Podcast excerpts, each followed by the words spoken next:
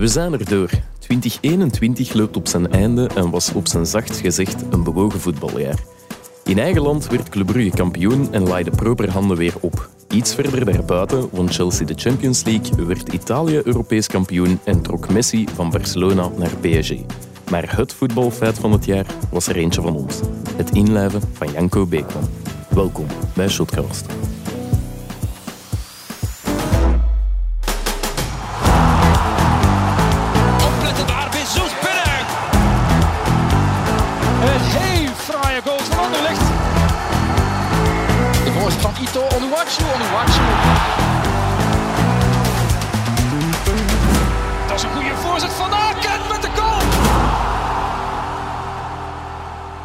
Dag Janko. Dag Lars. Ja, als dat geen mooi compliment was. Ja, het is te zeggen. Dank u. Het is Ehm, te zeggen. Nee, dat was gewoon een mooi compliment. Niet zo bescheiden. Ja. ja, ik- allee, jullie zeggen dat soms, van dat er zo complimenten komen, maar ik krijg die zelf nooit te, te zien of allee, te horen buiten dan van jullie en mijn ouders. Ja, we schermen nu af van de Ja, buitenwereld. we hebben eigenlijk we laten nu ook geen interviews geven. Nee, het is dat. Zo- Wow, zoals de jonge, jonge goden van Anderlecht dat ook niet mogen. Het is dat. We hebben eigenlijk een mapje steken met alle complimenten erin. Maar Alle we, gaan, drie. we gaan u dat... alle drie. We gaan u dat ten gepaste tijden een keer Ja, laten we, zien. we bezorgen nu dan zo'n emotioneel video op het moment dat je een aanbod krijgt van een ander, zodat je niet, eh, niet meer eh, Ja. kunt. Maar als ik eigenlijk- dan ooit zou vertrekken, dan neem ik nog zo'n afscheidsfilmpje op voor de muur met de sponsors. En met denk ik alle partners. Hey, B-Win. Ja, zoiets. Hè. Ah, Geert, ook uh, goedemorgen. Goedemorgen. Goedemiddag. Wel Ja. middag ondertussen. Ja, kerstdagen goed verteerd. Ja, ondertussen wel. Hè. We zijn al eh 28e, dus Ja. laatste feest de dat dag heeft al van de de onnozele 25. kinderen. Hè. Ja, we zijn toevallig hier met... Enfin, ik ga niks zeggen. We zijn hier met... Ik denk dat Johan had iets anders te doen. ja, ik denk dat die, ik denk dat die vakantie... Die, die moest naar de vereniging van... oh, enfin, zwart. Ehm, ik stel voor dat we direct aan gaan beginnen. Elke week vragen onze vrienden van Biwin zich af wat er te onthouden valt van het competitieweekend. En wij, wij geven hen maar wat graag het antwoord. Janko, na het eh, compliment van hiernet, uh, we gaan straks uw jaar, uw eerste jaar als podcaststem een beetje uh, overlopen. Maar beginnen doen we ja, traditiegetrouw met de speeldag, de laatste speeldag in de Jupiler Pro League. Geen negen, wel acht wedstrijden dit weekend. Dat klopt, hè, wat ik zeg. Of, ja. Uh, ja. Want uh, uitstel van uh, KV Kortrijk Antwerp. Ja, ja, en dat nadat jij niet zo lang geleden hier nog verkondigd had dat, geen, ja. dat er geen wedstrijden meer uitgesteld konden worden door COVID. Ja, ik heb een beetje een mal, uh, mal figuur geslaan eigenlijk. Hè. Ja, inderdaad. Ja. Maar het, is wel... meer of minder. Ja, het is dat. Ja, deze keer was het onbewust. Ja. Maar um, nee, het is wel een feit. Uh, ik had het ook zo begrepen dat uh, ja, een wedstrijd niet meer uitgesteld kon worden als er een corona-uitbraak was bij een bepaalde club. Ik had dat toen gevraagd aan, uh, aan Stijn van Bever. Die zei, ja, er is geen reden meer om een wedstrijd niet te laten doorgaan. Desnoods moet er met de belofte gespeeld worden. Ja, dat hebben ze onlangs toch in Portugal ook gedaan? Hè? Ja, dat was de aanleiding voor het, ja. uh, voor het een keer te vragen hoe dat ja, bij ons zat. Dus ik heb nu van het weekend een keer aan Stijn van Bever gevraagd. Ja, kijk, um, Antwerp heeft uitstel gevraagd omdat ze met elf besmettingen zaten. Negen spelers, twee stafleden. En toch wordt die wedstrijd, of wordt er ingegaan op, het, op de vraag voor uitstel. En uh, heeft mij geantwoord. Hè. Dus stuur het naar Stijn. Ik heb u ja, onder uw duiven ja. Dat is niet de eerste keer dat je dat ja, doet. Maar ja, hij, hij, begint te voelen, Janko wordt populair, ik pak gewoon zijn rubriekje af. Hè. Vorig jaar was hij de chouchou, nu zeg jij dat. Ja. is... Hij moet iets doen. Hè. Ja, dus zo groot is mijn ego. Nee, maar Stijn heeft geantwoord en uh, hij zei, ja, het gaat hier om een acute medische situatie, aangezien er op drie dagen tijd elf besmettingen zijn vastgesteld. En de onafhankelijke artsen um, die de Pro League heeft, heeft aangeschreven of, of gevraagd van ja, wat is uw advies? Die artsen die zeiden ja, de gezondheid en de veiligheid van de spelers kan niet gegarandeerd worden als de, de, de ja, omvang van die, van die uitbraak zo groot is. En daarop heeft de kalendermanager beslist om het duel uit te stellen. Want die mag dat blijkbaar doen. Ja, dan ja, werpt zich toe de vraag of wat, wat, wat vinden we daarvan? Ja, het is een beetje... Het lastige is dat je begrip hebt voor iedereen in deze zaak. Hè. Dus um, Antwerp vraagt uitstel omdat ze negen besmettingen hebben. Wat ik begrijp, want ze willen niet nog meer uh, zieken in hun dingen. En ik hoor ook van de kalendermanager die dan de... Die, dat ze de testen hebben kunnen inzien en dat er enkele bij zaten met heel hoge besmettingswaarden en zo. Mhm. Uh, maar ik begrijp natuurlijk ook uh, Kortrijk, hè, de tegenstander die een match uitgesteld ziet. Um, om, allee, om een niet-reglementaire reden eigenlijk. Ehm, ja, dus, ja. Maar ja, langs de andere kant, als een paar spelers van Kortrijk besmet zouden worden, hoe zouden ze daar dan tegenover staan? Bon. En ik begrijp eigenlijk ook een derde partij in deze. En dat was de KV Mechelen-trainer Wouter Franke. Mhm. Die zei van ja, onlangs hadden wij bij ons ook drie eh, coronabesmettingen. Maar wij hebben er zelfs niet aan gedacht om uitstel te vragen, omdat het niet meer mag. Dus ja, het is een beetje ja, de willekeur eh, die... eh, dat, is een beetje een het, beetje- dat is een beetje het probleem, want er was een regel, maar blijkbaar waren er weer uitzonderingen op die regel. En het, het hele probleem stelt zich dan, ja, heel die perceptie is weer naar de kloten. Hè. Allee, het is, het is de Pro League en de kalendermanager. Hè. Ze gingen niet meer marchanderen met die kalender, want het zou te druk worden. Ook het feit natuurlijk bij Antwerpen, het zijn niet de minste spelers die Ja, daar uitgevallen zijn of niet mochten eh, voetballen. Dus dat zal ook wel meegespeeld hebben. Maar ja, ze zijn er weer in geslaagd om een precedent te creëren. Hè. Ja, inderdaad. Dus ja, ik, ik, ja. Wat, wat, wat is de oplossing? Ja, ik heb al gehoord dat de clubs snel opnieuw zouden gaan samenzitten om er ja, opnieuw duidelijke regels over af te spreken. Dat lijkt me ook wel belangrijk, want ja, het is inderdaad zoals Geert zegt, je gaat willekeur creëren. Hè. Je gaat Mhm. alleen maar meer discussie krijgen. Je zou moeten weten vanaf hoeveel spelers kan er afgelast worden of uitgesteld worden. En ja, we spreken nu over die PCR-waarden in die test. Hoe hoog moeten die zijn om van een gevaarlijke situatie te spreken? Mhm. Ja, maar ondertussen, een week geleden, is Ja. er een vergadering geweest van de een algemene vergadering, Mhm. geen algemene, maar een raad van bestuursvergadering van de Pro League. Mhm. Ehm, Omicron was er toen al. In Engeland werden er al honderden matchen uitgesteld. Dat er daar op die vergadering niet één is gezegd heeft Niet van zeg mannen, is. misschien moeten wij eens denken wat als dit ook bij ons gebeurt, wat er nu in Engeland gebeurt. Mhm. Wat gaan we dan doen? Allee, dat, dat is, ja. Ja, je kunt moeilijk Nu zeggen dat weer ze in nu moet je het weer gaan zijn, oplossen. Ja, Ja, exact. En ik vrees een beetje dat het... eh, ja, het zal niet de laatste wedstrijd zijn, want we zijn er nog lang niet vanaf. Nee. eh, Nee, denk inderdaad. ik. Maar goed, hè, ehm, voordat hier een, eh, een coronapodcast wordt, hè, eh, we gaan het niet vergeten. Ja, uiteindelijk ook staan daar Beerschot moet nog ingehaald worden nadat de eh, Luikse politie twee weken geleden eh, gestaakt heeft. Veiligheid kon niet gegarandeerd worden. Die wedstrijd moeten ze er ook nog eh, ergens in zien te draaien. Maar over Beerschot gesproken, we zijn aan het eh, voetballuik beland. hè. Het werd tijd, denk ik. Snel, ja, Eh, tof. Janko, je hebt gisteren uw, eh, uw ratontmaagding beleefd. Ja, dat Klopt klinkt heel vies, maar het is wel de waarheid. Ik ben Ja. eh, gisteren voor de eerste keer in mijn carrière als... carrière, dat klinkt veel te groot. Ja, dat klinkt heel groot. Sinds ik journalist ben. eh, It's op, been eh, 84 years. Voor het eerst in mijn carrière van anderhalf jaar. Ja. voor het eerst op, op de Beerschot geweest. En zelfs voor het eerst op Antwerpse bodem. Allee, voor een wedstrijd dan. Oké, neem ons serieus? Ja, ja, ik had nog nooit een wedstrijd in Antwerpen gedaan. Amai. zot eigenlijk, Ja. hè, in die In hele lange die carrière. eh, ja.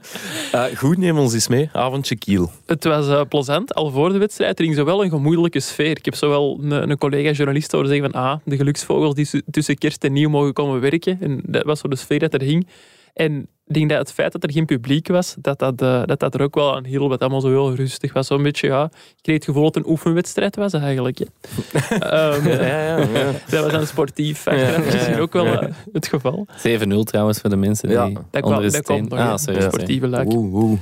Hij met, met al zijn ervaring zal wel weten wanneer hem iets moet Oké, lossen. ja, ja, en- ja. ja. Maar ik dacht, ik kan hier Ja. ook nog eerst een paar randzaken bespreken. Want Ja. ja, shotcast zou shotcast niet zijn als we dat niet doen. Eh, er waren ook sandwichen. Oké. Ah, Ja, Kerstsandwich. geen hamburgers waarschijnlijk. nee, geen Ja. hamburgers en ook geen warme mede, helaas. Maar ik ben niet echt een sandwichman. Dus eh ja, dat viel, Oké, ja. viel een beetje tegen. Ik heb er eentje met hesp geproefd, was niet slecht, maar nu ook niet Ja. wauw. Niet waar. Ja. Eh, maar wat aan mij vooral eh, is, is Ja. bijgebleven, want het, het leuke aan Beerschot vond ik do- meestal de fans. Hè. We hebben het hier je al zegt net dat je vaker... er nog nooit niet was geweest. Nee, maar je ziet Ja. toch tv ook? Ah, oké. Ja, dan ziet hij ook zitten. Hè. En eh met hun spandoeken en zo, altijd ludieke spreekhoren, dat soort zaken. Maar gisteren waren die er niet, dus dat vond ik wel jammer. Maar tijdens de wedstrijd hoorde al in de eerste helft dat er toch een paar fans zich hadden verzameld buiten het stadion. Die Oh. waren aan een café. Eh, change, ja, waarschijnlijk. en dat kan kloppen. Die Ah, waren die daar, eh, daar zo. ja, daar naar de match aan het kijken. En het grappige was ook, die, die reageerden ook op alles wat er gebeurde. Tien seconden na dat het gebeurde in het stadion. Omdat er natuurlijk wat Ja. vertraging op zit. Stond er dan een groot scherm buiten of zo? Of, Nee, die het gewoon binnen was. Want ik ben er één keer voorbij gereden Ja. en ik zag toch geen scherm staan. Ja. En eh, ja, ik heb toch een paar keer moeten lachen. Het was eerst, eh, eerst bij de 06, eh was er al ietsje. Wacht, wat was dat nu weer? Dat, ah nee, dat, was niet, dat waren geen supporters buiten het stadion. Dat was iemand eh, op de perstribune achter mij, een medewerker van Beerschot. En Anderlecht maakte 0-6. En ineens zegt hij wel droog... Allee, we kunnen al een tweede set beginnen. dus dat vond ik al wel een goede moment. De gelatenheid. Ja. Allee, er zit zoveel in die zin eigenlijk. Maar, Ja. ja. En dan eh, bij de 0-7, die dat, eh, ja, Mike van Hamel, dat is een schot van Amoezu. Die liet dat door, eh, door zijn benen glippen. Mhm. En eh, hoorde ineens zo buiten het stadion die supporters scanderen: Vliegen, vanger, vliegen, vanger. Serieus? Dus de fans waren er niet, maar toch een beetje. Ja, en ze hebben wel nog altijd die, die zelfspot en dat gevoel voor ironie hebben ze wel. Maar ja, 0-7, het was wel een pijnlijk moment voor Mike van Amelen, Geert. Ja, inderdaad, absoluut. En ik vond wel dat hij daar achteraf ehm, een sterk interview gaf. Allee, je moet het maar doen als eh, keeper die net eh, zeven goals heeft binnen, binnengekregen, waaronder één, eh, één een blunder. En eh, ja, hij haalde iedereen door de mangel, heel de ploeg, maar ook, hij benadrukte twintig keer ook zichzelf. Dus hij, hij was bezig, ja, ook ik moet beter doen, ik ben een van de leiders van de ploeg, ik moet ervoor zorgen dat, we niet, dat de organisatie er blijft. Er was, geen, er was niks beleving in de ploeg, dat is ook mijn schuld, want ik moet ervoor zorgen dat de ploeg beleving heeft als kapitein. En was kapitein, denk ik. Ja, maar hij deed dat ook wel. Hij was echt veel aan het roepen Ja, en zo. en, en, Eh, en dus, dus hij, hij betrok het eigenlijk. Hij gaf de ploegen eh, een veeg uit de pan, maar betrok het heel hard op zichzelf. Om, ja, omdat hij ook weet van ja. Ja. ik zal hier kritiek te geven, maar ik heb er zeven binnengelaten. Hij zei zelfs op een gegeven moment van. ehm, van ja, ik denk wel dat er wat wintertransfers nodig zijn. Het is noods ook een keeper, want ja, we krijgen er hier zeven binnen van. Ja. Dat vind ik wel straf. Ja. Allee, want eh, er is toch niemand die... die allee, als je zes punten hebt op, op 60 zal het zijn zeker, of negen punten op 60, ik weet het nu niet. Ja, het is niet alleen de keeper. Hè. Dus eh, ik, vind, nee. ik vond hem wel heel streng Ja, ja. voor zichzelf ook. Ja. ja, maar het is zoals Geert zegt, je kunt bijna niet anders. Als ik een, een DT-fout in de krant heb geschreven, kan ik niet gaan zagen op alles en iedereen zonder die DT-fout ook te benoemen. Op- Allee, Ik, ben, eh, ik heb ooit eens trouwens in dezelfde situatie gezeten. Veel lager niveau natuurlijk, hè, het andere uiterste in Je deed toch geen flaters? in vierde provinciale. En dat wij, hadden, wij hadden eh, tegen RVC Hoboken met 7-1 verloren. En eh, de, het laatste nieuws belde mij. Van ja, de, die keeper heeft er 7 binnen gehad, we zullen hem eens bellen. En ik, ik, had toen, ik had toen ook zo- zo'n ding gezegd van ja, er is hier gewoon te weinig kwaliteit, zo simpel is. Maar ik bedoelde dat natuurlijk op heel de ploeg. Ja. Ik had niet natuurlijk, zoals ik Mike van Amel, mezelf eh, in de wind gezet. Hey. En dat was een titel boven het stuk. Ja, dat was niet zo leuk binnenkomen in de kleedkamer eh, die week. Toffe dinsdagtraining waarschijnlijk. Maar bo, dus je kunt dat dan beter wel ook op jezelf betrekken eigenlijk. Nee, hè. ja. Dus niet zo slecht gezien van Mike Maar van Amel. hij is ook niet de enige dat, dat zegt dat er iets moet veranderen allee, binnen de kern. Want Torrente op de persconferentie achteraf, ja, die had het Coach, druk. eh, ja, de coach van Beerschot. Ja.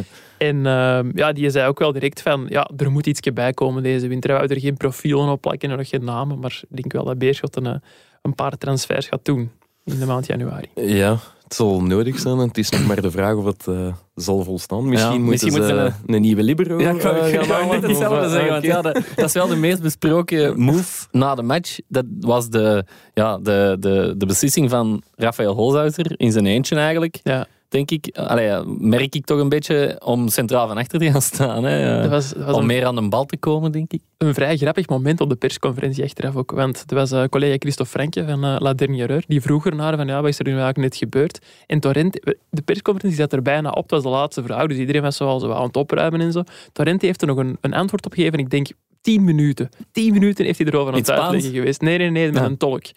En, eh, maar ja, wat is er dus eigenlijk gebeurd? In de loop van de eerste helft zag je al dat Holzhauser zo, ja, op zijn Holzhauser eigenlijk zijn eigen zoiets ging aanbieden op de rechtsachter en op de linksachter. Zo'n beetje ging zwerven. Balken voeren. Ja, omdat hem ja, voor achter de spitsen, hey, hoger op het veld, gewoon niet aan de bal kwam.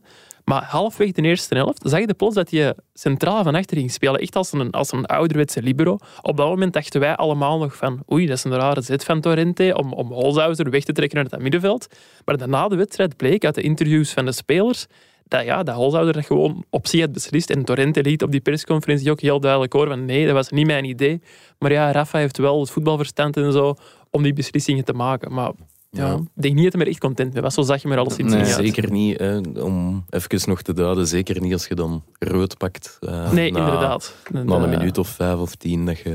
Dat was niet de- de beste tackle. Nee, inderdaad.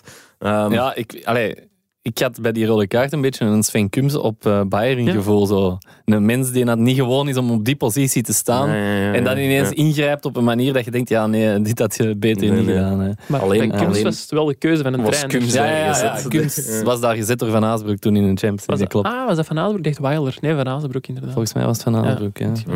Ehm, maar ja, ehm, ja, mm. dingen kon, moest het wel uitleggen hè, na de match, hè, Torrente. Maar, allee, niet Torrente zelf, maar Ja. zijn, eh, zijn assistent. eh, Gerecht van de Riet.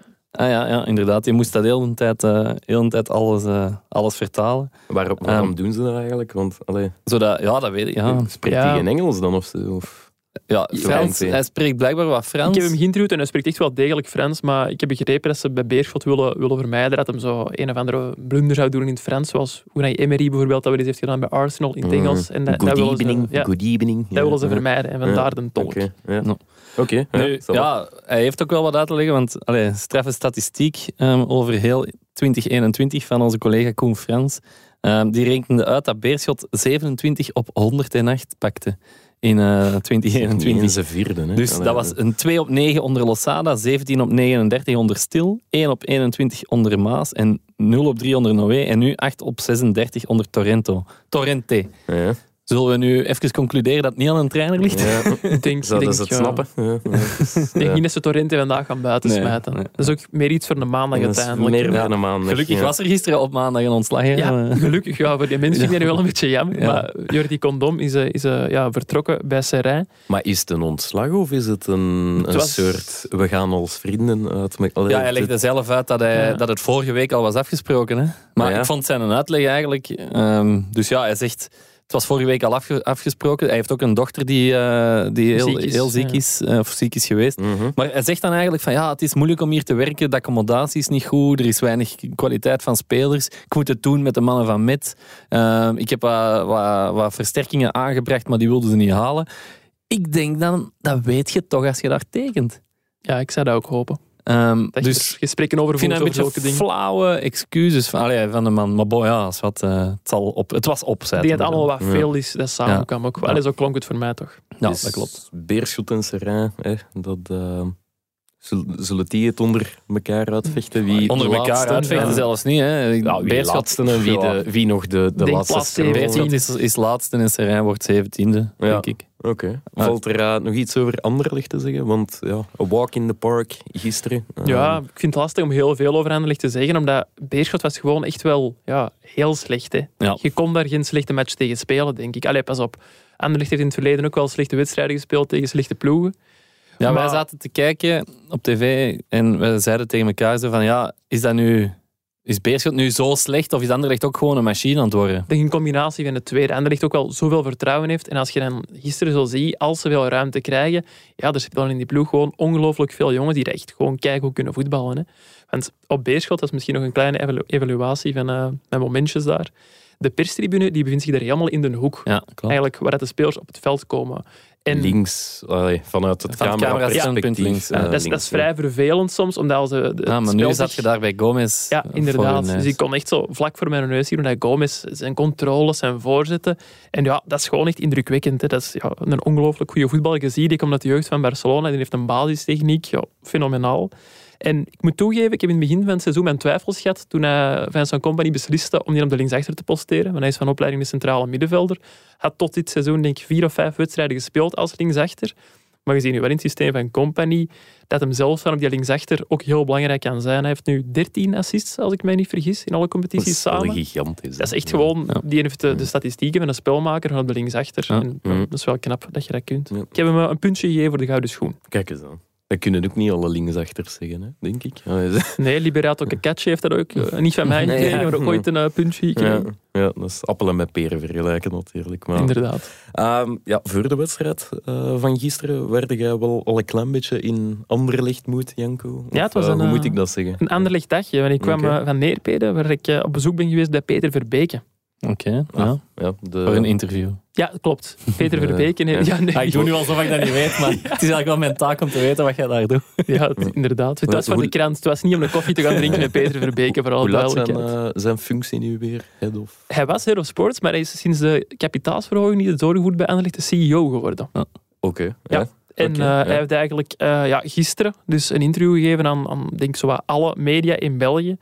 En eh, ik moet zeggen, het was wel interessant. En wat mij vooral is bijgebleven, ik heb in mijn zeer korte carrière al, eh, al wel wat interviews gedaan, maar het was de eerste keer dat iemand een PowerPoint had voorbereid. Een En- PowerPoint nog wel. Ja, Peter Verbeek had een PowerPoint En, en voorbereid. dat, was, eh, dat was echt een presentatie dan? Of, of, of klapte hij zijn laptop open met u aan tafel? Of, eh? Nee, nee, nee, het was een presentatie op een scherm. En, Maar, maar- is het dan nog een interview? Ja, Of echt is wel. Want je zou kunnen wat ik zeggen van, ah, gaan we nu gewoon even noteren wat, Ja, dat, wat dat ze aan ons vertellen. Maar er was ook wel de ruimte om, om kritische vragen te stellen bij de PowerPoint. Waarom deze slide, waarom Ah, dat wat, stond, effectje? wat stond er dan in, in de, in Ja, de fase PowerPoint? 1a, fase 1a, Ja, 2. ja, ja, ja. Daarvoor moeten we morgen het nieuwsblad lezen. Nee, het ging ja. eh, over, de, over de plannen van Anderlecht vooral voor, eh, voor de komende jaren. Meer eh, ga ik er nog niet over zeggen. En is het, is het dan toeval dat je deze week bij Peter Verbeke mocht langsgaan? Allee, net nadat ze bij Anderlecht die kapitaalsverhoging hebben doorgevoerd of rondgekregen en, en er misschien net weer iets meer licht aan het einde van de tunnel. Goh, ik denk dat dat sowieso wel wachten was op die kapitaalsverhoging om er officieel over te communiceren. Ik snap dat het vervelend is om je plannen Ja. te doeken te doen Ja, ja. als er nog niets op papier getekend Ja. is. Ja. Maar dat dat nu beter gaat bij Anderlecht Sportief, ik denk dat dat wel mooi meegenomen Het is was mooi meegenomen, om eh, toch? de pers op zo'n ja, ja. moment te woord te staan. Hè. Ja, Gert, jij ook eh, ooit meegemaakt dat je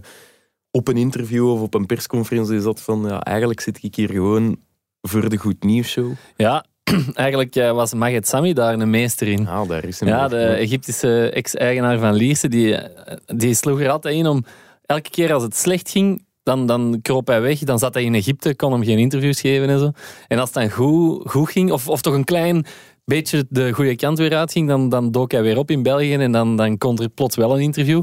Maar het probleem op dat moment is dan dat je ook niet Nee, ja, die 17 trainers ontslagen van het jaar daarvoor amper kunt aanhalen. Want elke keer zegt hij, ja, maar ja, nu zijn we op de goede weg. Hè. Je ziet, we zijn nu terug in stijgende lijn. En dat was altijd heel moeilijk. Dus ik koos altijd zijn momenten uit, waardoor dat je eigenlijk er niks mee waard met dat interview. Eigenlijk moest je dan zelfs zeggen van, ja, nee, we doen het niet. Want je praat toch alleen maar als het goed gaat. Maar het vreemdste dat ik eigenlijk heb meegemaakt, ehm, was toen eh, John Bico trainer werd bij Antwerpen. hè.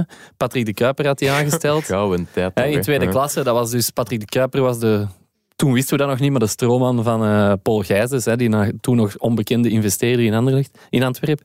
En ehm, ja, John Bico werd aangesteld als trainer en dat kreeg echt gigantisch veel kritiek van de fans die waren daar tegen. Hè, want John Bico was het jaar ervoor bij White Star Brussel de grote concurrent die had die ploeg failliet had laten gaan. Ah, die club failliet had laten gaan. Die was makelaar geweest met, met een duister kantje. Allemaal wel louche. Hè? Ja, Eh, dus, dus daar, daar, daar kwamen op veel kritiek te staan. Dus ehm, belde Patrick de Kuiper mij op. Ja, Gert, ehm, de, een John Bico wil een interview geven. eh, want, en jij gaat merken, dat is echt een super eh, toffe en amabele mens. Je gaat dat merken. Ehm, ik weet zeker dat je, als je er een uur mee samen zit, dat jij er ook van overtuigd bent dat het eh, een amabele, toffe, open mens is. En? Ik zeg, ja, ja. oké, kom af. Hè. Maar ik was zo aan research aan het doen en eigenlijk, ik vond nooit... Oké, hij heeft Frans, Cameroens en zo. Hij heeft allemaal roots in veel landen, maar ik vond nooit zijn echte nationaliteit. Dus een van mijn ja. eerste vragen waren, zeg, mag ik nu iets vragen, wat is nu echt uw, uw nationaliteit? Zeg, ja, ik Fransman, Cameroener, wat zei eh, die wou dat niet zeggen. Dat is dus, dus, dus dat begon al van, ja, het was het interview om, om open en, en te praten. En hij wou niet eens vertellen over wat zijn nationaliteit was. En zo, zo was dat constant zo. Als ik iets vraag, dan wou hij daar niet op ingaan. Dus dat, ik kwam er eigenlijk niet slimmer buiten eh, uit dat interview. Dus dat was super, super vreemd. eh, ja. ja, dat is een apart, apart verhaal. Ja. Ja, dus, inderdaad. dus niet zo'n toffe mens zoals eh, Ja. Patrick de Kuiper. Nee, nee, Nee. Hij deed wel moeite, zeg maar. Ja. Niet genoeg. Niet genoeg. Ja. Oké, goed. Dat wat uh, Beerschot uh, Anderlicht betreft. Een dag ervoor. Ja. Uh, Club Brugge dat zich uh, verslikte in, uh, in het ovenhapje Cercle Brugge genaamd. Ja, Zalig, die Het is Een kerstmopjes. beetje kerstmopjes Ja. uh, tussendoor. Um, maar wel uh, ja, verdiende overwinning uh, waar eigenlijk niks op aan te merken viel. Nee, ik, inderdaad. uh, Ik besef ineens dat dat ineens al lang geleden lijkt. Hè? Zo zondag, zondagmiddag? Ja, ja, ja. een match van half twee. Als het plezant is, eraf. hè. ja, inderdaad. Ja. ja, ik vond Cercle ook gewoon sterk. Hè. Ze, hadden, um, ze hadden zelfs 13 kilometer meer gelopen dan Club uh, in die match. Toch, Veel, hè? Toch veel is. Bijna 10 miles. Um, en um, ja, weet je wat, wat ook... Allee, Cercle was, was, was sterk, verdiende overwinning volgens mij ook. Mhm. Um, En wat ook opvalt, ehm Cercle is de ploeg die de ballen het hoogst op het veld recupereert van eh, alle eerste klassers. Ehm, zeker met die kort dan, Ja, sinds die eh, Talhammer ja, ja. er is. Hè, ja. Ja. Ehm, en dan hebben ze nog zo'n kerel als die Rabbi Matondo eh, daar vooraan eh, rondlopen. Ja, dan wordt dat eigenlijk alleen maar beter als je de bal zo hoog, eh, Ja, ja, hoog ja, recupereert. absoluut, dus ja. ehm, ja. Ja. Ik zeg, eh, het is zaak dat ze hem kunnen houden, denk ik, eh, in januari. Ik denk dat ze een aankoop op, want ze huren hem momenteel Ja, ja. van Schalke en ik denk dat ze een aankoopoptie Ja, oké. bedongen hebben. Ja. Dus ik zou daar niet te lang mee Nee, nee, nee. Dan kunnen we hem nog verkopen voor meer geld dan Ja, uw aankoop. Exact. eh, want ik Monaco zeg, kan dat wel betalen, denk ik. Ja, dat Ja, denk moet wel. Ja. Over Monaco trouwens, die staan in Frankrijk in de Ligue 1, ook wat, wat betreft de drukzet. Er zijn statistieken die dat uitdrukken, staat Monaco ook helemaal bovenaan in die ranking. Eh, Dus dat zegt wel iets over de gemeenschappelijke, gemeenschappelijke filosofie van eh Cercle en Monaco. En dat is Paul Mitchell, de, eh, Ja. dat is eigenlijk de overkoepelende sportieve directeur. Die is afkomstig van de Red Bull school en die zit er eigenlijk achter. En die- dat zou ook wel de man zijn geweest die dat eh, heeft gehamerd op eh, de Ja. komst van. Ja, en... en eh, ja, eh, wat ging ik nog zeggen? Lars is helemaal zijn draad kwijt. Ik ben helemaal met een draad kwijt. Nee, eh, wat ging ik nog zeggen? Ja, ehm, los van het hoge druk zetten en, en de ontbolstering van Matondo, ook wel opvallend. Ja, veel eerste klassers hebben het altijd over jong en Belgisch. Maar wat KV Mechelen betreft, hè, die doen al constant. Maar zondag ook wel eh Cercle Brugge. Hè? Ja, en het opvallendste bij Cercle Brugge vind ik, hè, ze hebben daarmee, deze zondag hadden ze met Somers, de man van Houten en de Kosteren vier, vier eigen jeugdspelers effectief gewoon op veld staan. Hè. Allemaal jongens die minstens bij de U21 al bij, bij Cercle zaten. Sommigen hebben natuurlijk in het begin bij Club Brugge gespeeld. Maar, Ehm, en net omdat het Cercle is, vind ik dat des te opmerkelijker. Want je ziet altijd zo...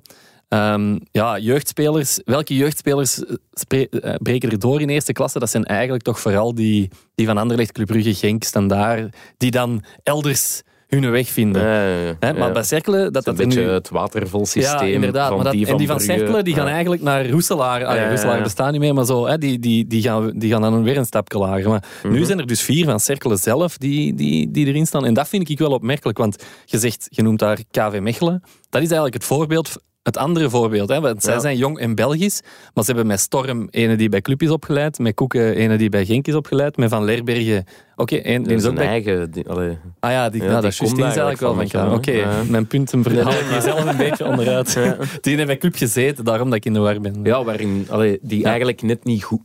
Allee, ze Ja, zijn ja, net nee, niet nee, goed genoeg voor de absolute eigen top, opleiding, ja, maar, die wel... Ja. Ja, inderdaad. Maar, dat, ik wil nog eens herhalen, vier van uw eigen opleiding voor een club als Cercle, dat vind ik wel... eh, Ja, en de zeker moeite. met de hele Monaco-structuur Ja, erachter. ja, wat toch wel opvallend eh, is, want de laatste jaren stond dat zo een beetje te boek als, eh, als een beetje het, het, het huurlingenleger, Ja, om het zo te zeggen. En nu is dat, ik denk dat dat voor de fans ook wel leuk is. En eh, brengt op, hè, want eh 15 op 18 Ja. eh, pakt Cercle Brugge nu. Zes punten voorsprong op de gevarenplaatsen. Kat in het bakje, hè. Ja, tuurlijk. Ik Ja, denk niet dat die nog ehm, Nee. moeten vrezen, want ik zie eigenlijk niet in ehm, dat Serrain of Ja. Beerschot in dit geval ehm, Nee, dat nog goed maakt. Klopt. Eh, Serijn en Beerschot, eh, we hebben nog het al gezegd, op, eh, die zullen onder de streep blijven, denk ik. Ja, ja. nu over eh, katten in bakjes gesproken, wat moeten we denken van Union? Want niet gewonnen van AA Gent. Maar ja, eigenlijk hoefde dat ook helemaal niet. Ik denk dat we daar soms een beetje, een beetje vergeten dat een punt van de promovendus tegen ja, een topploeg als, als AA Gent, dat dat eigenlijk wel dik oké is. En het is een bonuspunt, want ze lopen eigenlijk eh, weer een puntje uit op Club Brugge. Ze gaan met zeven punten voorsprong eh, de winterstop in. Ja, dat is niet slecht, hè? Nee, en bovendien zijn ze zich ook al aan het versterken. Hè. Ze hebben, eh, zijn weer werk aan het maken van de komst van een Japanner, een tweede Japanner, naast eh, Kaoru Mitoma. Ja. En eh Philippe Bormans die zegt eh, morgen bij ons ook in de krant formeel dat er eh, geen sterkhouders zullen vertrekken deze winter. Dus ja, dat, klinkt niet slecht voor Union. Ja, ze moeten ook niet verkopen. Hè. We hebben dat hier nogal eens gezegd. Het is natuurlijk wel... Allee, ze zitten natuurlijk wel in de positie, een dankbare positie, waarin ze zeggen... Ja, we hebben... eh, wie is Tony Bloem zeker? Ja. Van eh Hilde Brighton achter Brighton ons. erachter, Dus, ehm, ja, en ik zou het ook gewoon zonde vinden, mocht dat daar een leegloop worden. Zeker in de winterstop. Dat is toch altijd een beetje eh, zonde. Ehm, ja, maar over hun zeven punten voorsprong gesproken. De, de data-fetischist van Twitter, Jarno Berto, is in zijn archieven gedoken en die heeft ontdekt, met zeven punten voorsprong de winterstop ingaan, staat gelijk aan kampioen worden. Oké, dat weten we mooi, dan. mooi voorteken voor, eh, voor de unionisten, denk ik. Hè? Ja, Allee, het, inderdaad. is, eh, het zou zomaar kunnen, zou Ja. José de Kouwer zeggen. Daar komt dan nog eens bij dat ze vandaag al twee punten meer hebben dan Club Brugge een jaar geleden. Op, Dus- op dit moment. Ja, op Dus, dit moment. ja, ja. Eh, dus, en toen is een club is toen kampioen geworden. Ja. En sinds de invoering van de play-offs is de ploeg die op kop stond na 21 speeldagen eh, zeven van de elf keer kampioen geworden. Ja. Dus- Oké, wel. Dat, zijn al- dat is allemaal goed voor denk ik. Ja, ja, Dat daar gaan ze eh, blij mee zijn. Hè? Ja. Ja, Ja. Het is natuurlijk ook niet, hè, want eh, een echte traditieclub Ja, Union, na. Anderlecht een club. meeste titels in eh, Belgische voetbal. Het is niet de eerste keer dus nee. dat ze op kop staan. Inderdaad. En, en er kwam nog wel een leuk... via Twitter iemand had de stand van exact 100 Sven- jaar geleden... Sven van Tomme. Ja, inderdaad. Sven van Tomme had de, de stand uit Sportwereld, het nieuwsblad, ehm, had, hij, had de stand van exact 100 jaar geleden, dus 26 december 1921, Oké. had, hij, had hij teruggevonden. En eh, wie stond er toen op kop? Ja, Zou het de- Union zijn? Union, jawel, Ja. jawel. De Dus wel grappig. En grappig was ook dat we, toen werd er gevoetbald op kerstdag. Hè. Dat, was, dat was, waren dus de uitslagen Klopt, die daarin ja. stonden van 25 december. Dus wij, wij denken kerstvoetbal, eh, het is iets nieuws. Maar er, is, allee, er werd ook in de jaren 40 nog. Dus heel die, heel die periode toen werd er altijd op, eh, op Ja. kerstdag eh, gevoetbald. Ja, het was eh, onder die foto de onvermijdelijke pad verkruisen. Toch ook wel Twitter-fenomeen om het zo te zeggen. Magnus. Magnus en buurman Jackie en ja, eh, grote meneer.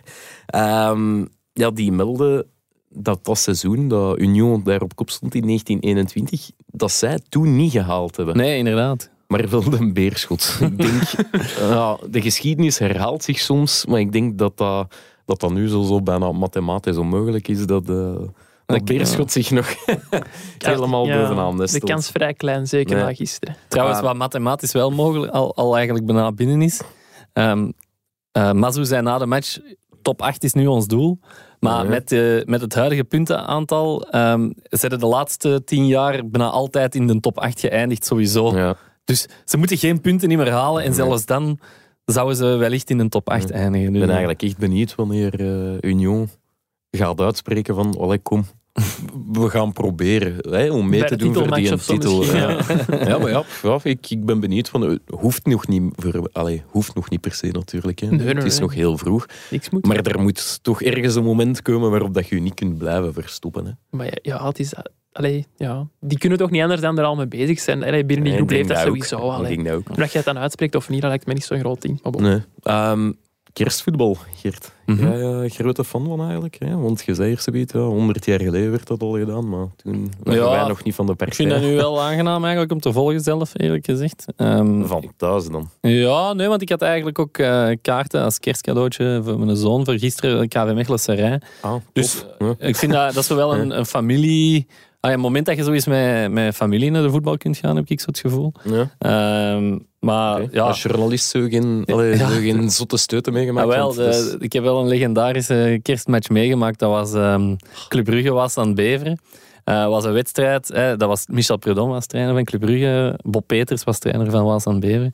Het was de laatste match van het jaar. En bij Club Brugge had er iemand in zijn hoofd gehaald van ja, we gaan onze fans op een waardige manier, hè, onze spelers op een waardige manier afscheid laten nemen van het jaar. Ja. Ehm, dus alle fans hadden zo een kerstmuts gekregen met een blauw lichtje. Dus dat zat zo in heel dat. En de bedoeling was dan dat na de match de stadionlichten gedoofd werden. En dat dan de spelers een ereronde liepen. eh, met die, en dat dat dan een mooi effect gaf met die, met die kerstlichtjes. Mutsen van Electrobel of Ja, dat kan, dat kan wel dat dat van een sponsor was. Ja, dat zal wel van een eh, sponsor zijn. Ja. Dus, ehm, maar waar ze bij Club Brugge toen geen rekening mee hadden gehouden, was dat ze ook wel eens zouden kunnen verliezen van Waasland Beveren.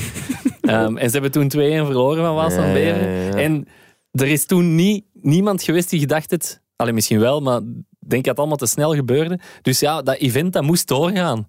Dus de stadionlichten werden gedoofd, de spelers moesten dan zo een ereronde lopen in het donker. En dat was één streamend fluitconcert. Dus Ja. dat was een fiasco. Predom super kwaad omdat, eh, ja, omdat dat nog eens door... allee, omdat de Ja, spelers dat moesten ondergaan. En, ja, dat was...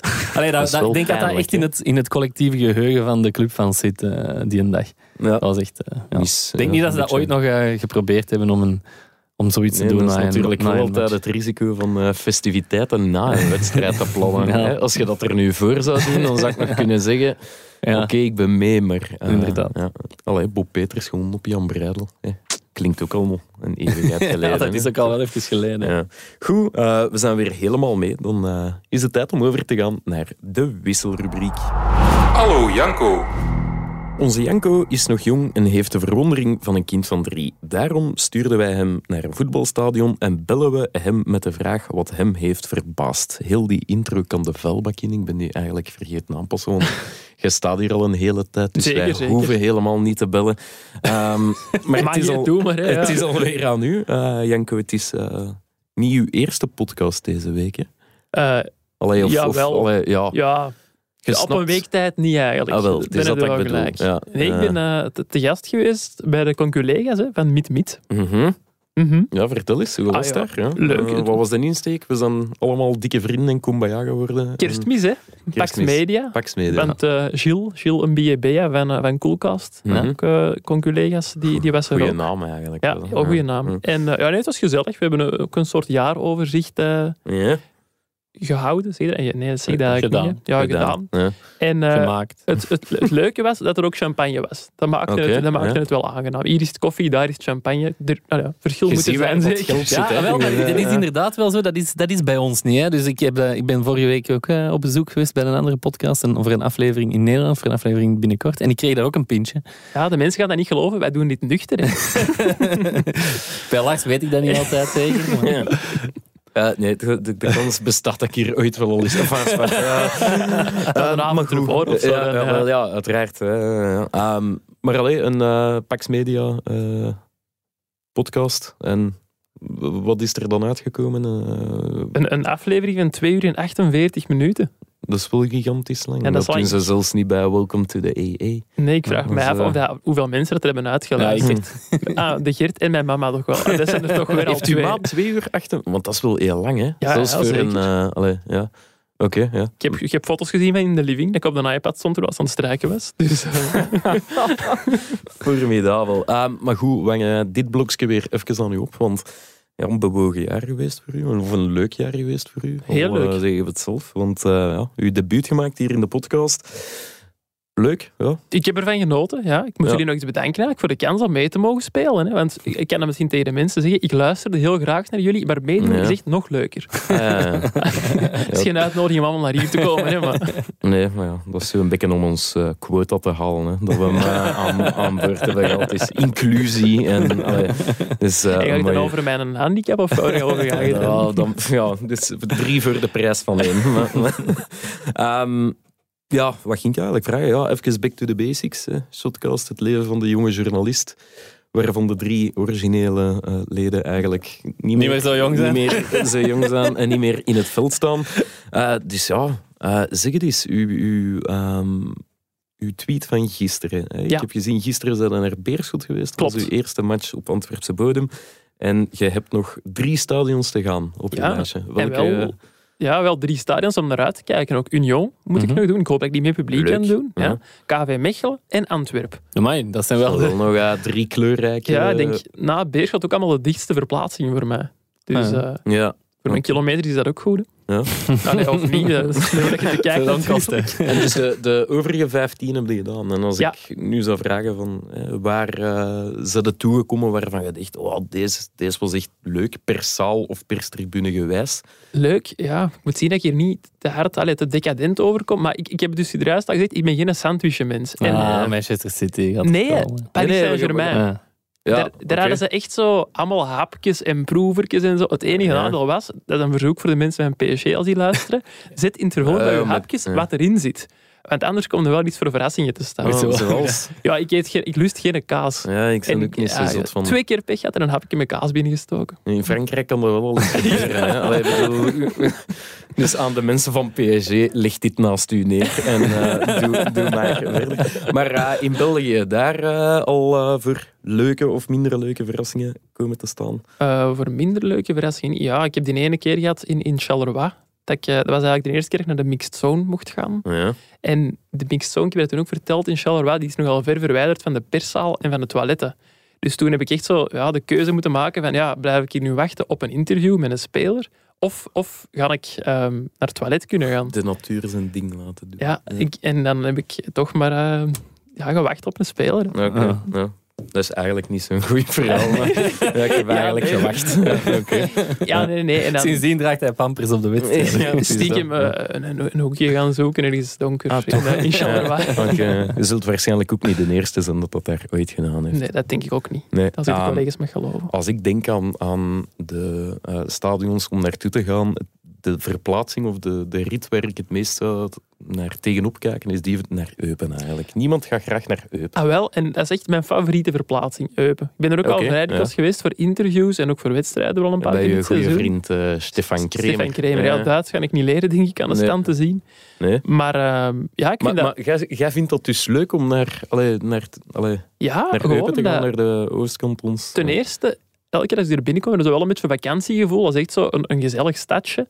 Ten tweede, je zit lang in de auto, dus je hebt veel tijd om podcasts te luisteren. Zowel shotcasts. Oké. ja. Dat doe ik ook wel graag. En ook, Ja. dat zijn er allemaal super lieve mensen in Eupen. Het enige Oké. waar ik pech mee heb gehad, omdat ik ja, misschien door de coronacrisis en zo ook al een beetje, blijkbaar geven ze tijdens de rust meestal goulash in Eupen. Ja, goulash of goulashsoep. Ja, ja, ja, Maar- dat maar-. Guillaume heeft dat hier een Ja, keer verteld. ja. Ja, soep, soep. d- dat heb ik Ja. nog niet kunnen, kunnen meemaken. Het zijn al een keer uh, Ah, ja. boterhammen geweest, helaas. Ah, ja. Met kaas? Of, eh, Nee, zon, ja, dat Eupen kan ik is ook de, de enige club waar je, als je nog zo, echt zo een houten barakje eh, ham- eh, hamburger niet, eh, braadworst en eh hotdogkraam hebt. Hè. ah, zo'n tuinhuis of ja, zo, eh, de enige. Eh, da- daar Ja.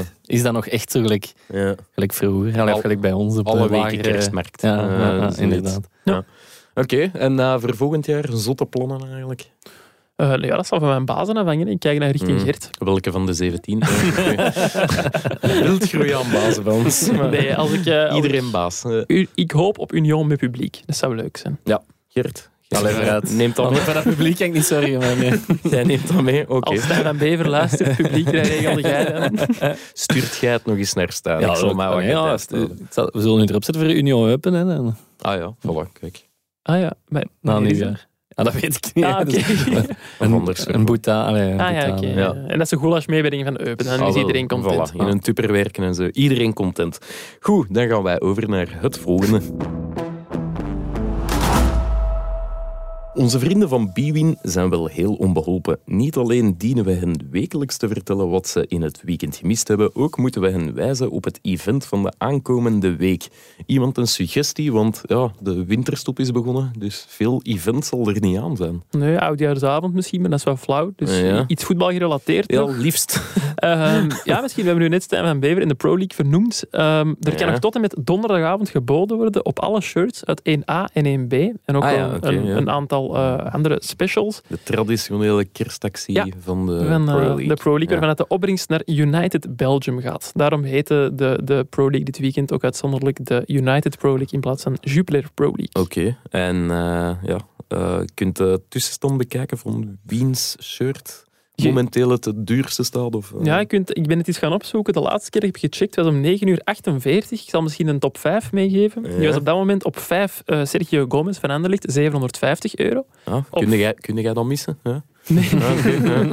nee. Op 4 Josh Cullen, ook 750 euro. Op 3, Wa- wa- wanneer- dat is raar dat die in daartussen staat. ja, misschien een of andere zotte Ier die dat truitjes verzamelt van de nationale ploeg. Ja, of oké, Of ja. een zotte Anderlecht supporter, Ja. dat kan ook. Op 3 Charlotte de Ketelaren, 800 euro. Oké. Op 2 Noah Lang, 850 euro. En nu mogen jullie raden wie er op 1 staat. En je mag niet kijken in het draaiboek. Ja. Hans van Aken. nee, het was Radjan Angolan Lars. Ah ja. 1750 euro is er al Het voor strafste van al geboden. is, dat zijn, dat zijn eigenlijk... Hè, die website heet matchworn Ja, shirt. shirts.com slash proleague. hè. Daar kun je dus al die items bieden op al die Ja, items. ja. Maar dat van Raja is die nog niet wa- matchworn, want die hebben niet gespeeld. Nee, als Nee, we nee, even nee, naar het begin teruggaan Trouwens- van de dingen. eh, ja. Ik heb ook eh, willen bieden op een eh, shirt. En de wedstrijden, die, de shirts die niet gebruikt worden, daar staat dan zo op match issued. Ja. En ik dacht, hè, een maat van mij die naar gisteren bij mij Anderlecht komen kijken is, hè, is de tweede keeper bij Lierse, dus dat van hem is match issued. Ja. Eh, dus ik dacht, oh, ik kan, wie gaat daar nu op bieden, dacht ik. Dacht hij zelf ook. Dus ik dacht, oh, ik kan gewoon op zijn, zijn shirt bieden, dan steun ik het eh, goede doel. Maar dat is ondertussen al 150 euro. Dus Voor de tweede keeper van ja, straf. Ik, vind dat ja. echt, ik vind dat echt veel. Ja. Allee, het is nu wel een fantastisch kerel, maar Ja. eh, allee, ik vind dat Nu- toch... nu niet om te zeggen, we geven daar even 150 ik kan er niet over, overbieden, Nee. denk ik. Ik eh. heb dingen vorig jaar dat van Adriano gekocht voor minder. Voor 115 serieus? euro. Dus Bernd Brugmans is voorlopig meer waard dan eh, Adriano. Het, het shirt. hè, het zal zullen zijn ego, het zal ja, zijn ego eh, strelen. Ja, dat Maar denk ik ook. Wat wel opvallend is, die vertelde dan gisteren ook dat hem, dat hem echt ook zo in het Engels op Instagram berichten krijgt van Jupiler Pro League account zo. Die dat dan zo, fan, account, die dat dan sturen van ja, ehm, wilde jij alsjeblieft uw shirt sturen? Ik ben een verzamelaar en zo. Dus die zitten dus echt... Allee, de tweede keeper van Lierse kreeg berichten van mag ik alsjeblieft uw shirt en zo, dit en dat. Wat moet dat wel niet zijn bij, bij, zot, bij hè? die echte, echte ja, toppers. Ik is er nog wel lang in, zodat die wel wat berichten krijgen ook. Ja, en kartonnen bordjes, hè, om uh, even... Guillaume is hier niet. Guillaume is hier niet, maar eh, ik, ik volg hem wel eh, wat dat betreft. Ehm, ja, even, hè, normaal doen we geen quiz meer, maar ik heb wel nog Ah. één quizvraag toch? mee. Ah. Eén quizvraag mee voor jullie, want ik ben eens gaan opzoeken. Ehm, welk voetbalshirt het duurste aller tijden is. Dus ook dat met een veiling Ja. eh, onder de hamer is gegaan, om het zo te zeggen. Ehm, ja, start het raden. Ik zou het zo zeggen. Ik zal een beetje... we moeten wij de naam zeggen of ook het moment en zo erbij? Ah, begint met de naam. Hè. ik denk David me- Beckham. Nee, Oké. Janko. Ik kan zeggen wie is er het dichtste bij, maar dat gaat niet met namen. Nee. Ehm, Ronaldinho. Nee. Dan is Ehm. weer aan Gert. Je kunt misschien wel wel. ja, we Die, zullen die. Campos, zo, die, dat veelkleurig keepershirt van nee, Mexico. Nee, nee, nee. Eh, Maradona. nee. Pele. Ja, we Toen, nee, dat was mijn Pele. volgende gok. Ja, Pele. En nu voor hoeveel? Of moeten we Eh, ik zal eerst zeggen welk shirt dat het was. Het was Uh-huh. eh, zijn shirt van in de WK-finale in 1970. Oké. Brazilië-Argentinië. Eh, ik denk dat dat WK in Mexico was. Ja, Mexico 70, ja. Mexico 70. Ehm, maar ja, bedrag. eh Gert gaat Pele geraden. 3.437.000. Iets minder. 2 miljoen 636.014 cent. Nog iets minder. 500.000 euro. Eh, minder. Oké. 3 miljoen, man. Ja, ooit. Amai, meneer is baas en heeft totaal geen neus meer van geld, hoor. Amai. 81.000 euro. Nee, het is wel meer. Het is wel Oké, meer. 233. Oh, wel, ik ga dat goed rekenen. Het was eh, 200.000 euro. Ah, ja. Ik vind dat toch wel veel geld Twee een- punten. voor mij dus. voor een shirt. En dat staat in het eh, Guinness eh, World Record Book als duurste shirt Oké. aller tijden. Een shirt van Pele uit 1970 voor 200.000 euro. En welk shirt heeft. Geert nu gewonnen? En Met, dit, eh, dit kan ook in het Guinness World Book of Records. De eerste quiz in Shotcast die Janko speelt, verliest hij meteen. Ja, dat is waar. We gaan dat noteren, Ja. hè, vriend. Ik heb het niet kunnen opzoeken. hè. Nee, dat is. Goed, dan is het nu tijd om over te gaan naar onze afsluiter. Dit was het alweer, uw wekelijkse update over de voetbalwereld, of de Belgische voetbalwereld, want we hebben eigenlijk niet zoveel eh internationale dingen besproken. Misschien. Er was ook niet veel internationale voetbal. Hè. Goh, nee, in Engeland zijn alle matchen afgelast. Ja, is, eh, Lukaku, Lukaku komt er Ja, weer wat, wat door. De Bruyne Dus, eh, De Bruyne ook. Het was wel een Eh, spektakelmatch, hè. Leicester, Manchester City. Ja, het 6-3. was eh, een Boxing Day matchje. 3-6, zo, hè. oh, ja. Ja, ja, Ja. inderdaad. Ehm, goed, wat staat er vandaag of deze week in de krant, eh, meneer Beekman? Ik, eh, ik ga nu zo snel mogelijk naar beneden verder werken aan mijn eh, interview met Peter Verbeke. Oké. En eh, ik denk dat we ook nog wel, eh, en dan kijk ik naar Gert voor de zekerheid, dat we deze week ook nog een, een, een stuk brengen met de winterplannen van eh, de clubs uit 1A. Ja, Dus ook wat in de krant van woensdag normaal gezien. Ja, dus ook inderdaad van morgen En eigenlijk. Gaat dat dan over stages of over Nee, transfers? nee, de Of, transferplannen. ah ja, Ja, zo wie van, heeft wat nodig? dit en, moet erbij, ja, ja, dit ja, mag inderdaad. weg. Eh, oké. Wat heeft Beerschot nodig? Ja, dat is een pagina op zich. Ja. Eh, maar goed, wie eh megascore mist en zich toch graag waagt aan een gratis pronostiek met vrienden, kan nog steeds terecht bij beacham.bwin.be. Uitgegeven door onze vrienden van Bwin, de exclusive bettingpartner van de Pro League, de Europa League en de nog steeds onvolprezen eh, Conference League. Of hoe moet ik het zeggen? Ja, ja. Ja. Dat trouwens over de Conference League. Gent gaat daarin door. Maar Ja. wat, wat niet veel mensen weten is dat die dus de eerstkomende ronde niet moeten voetballen. Hè.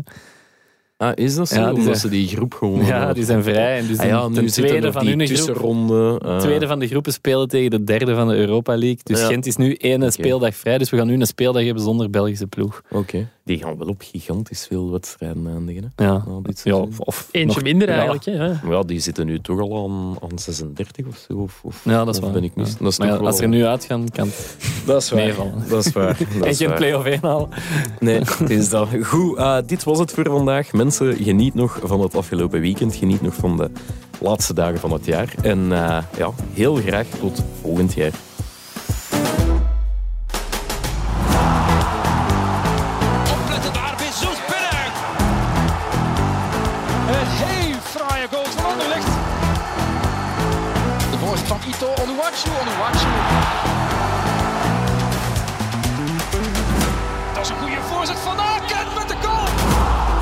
Zin in nog een shotcast? Beluister dan onze Actua-afleveringen op maandag of onze interviews met spraakmakende gasten in onze afleveringen op donderdag. Bij het Nieuwsblad kan u ook nog terecht bij onze wielerpodcast Koers is van ons, onze politieke Actua-podcast Het Punt van Van Impe of onze crimi-podcast De Stemmen van Assise. Ook Slimmer Leven en ons magazine Billy kan u niet alleen lezen, maar ook beluisteren. Tot een volgende keer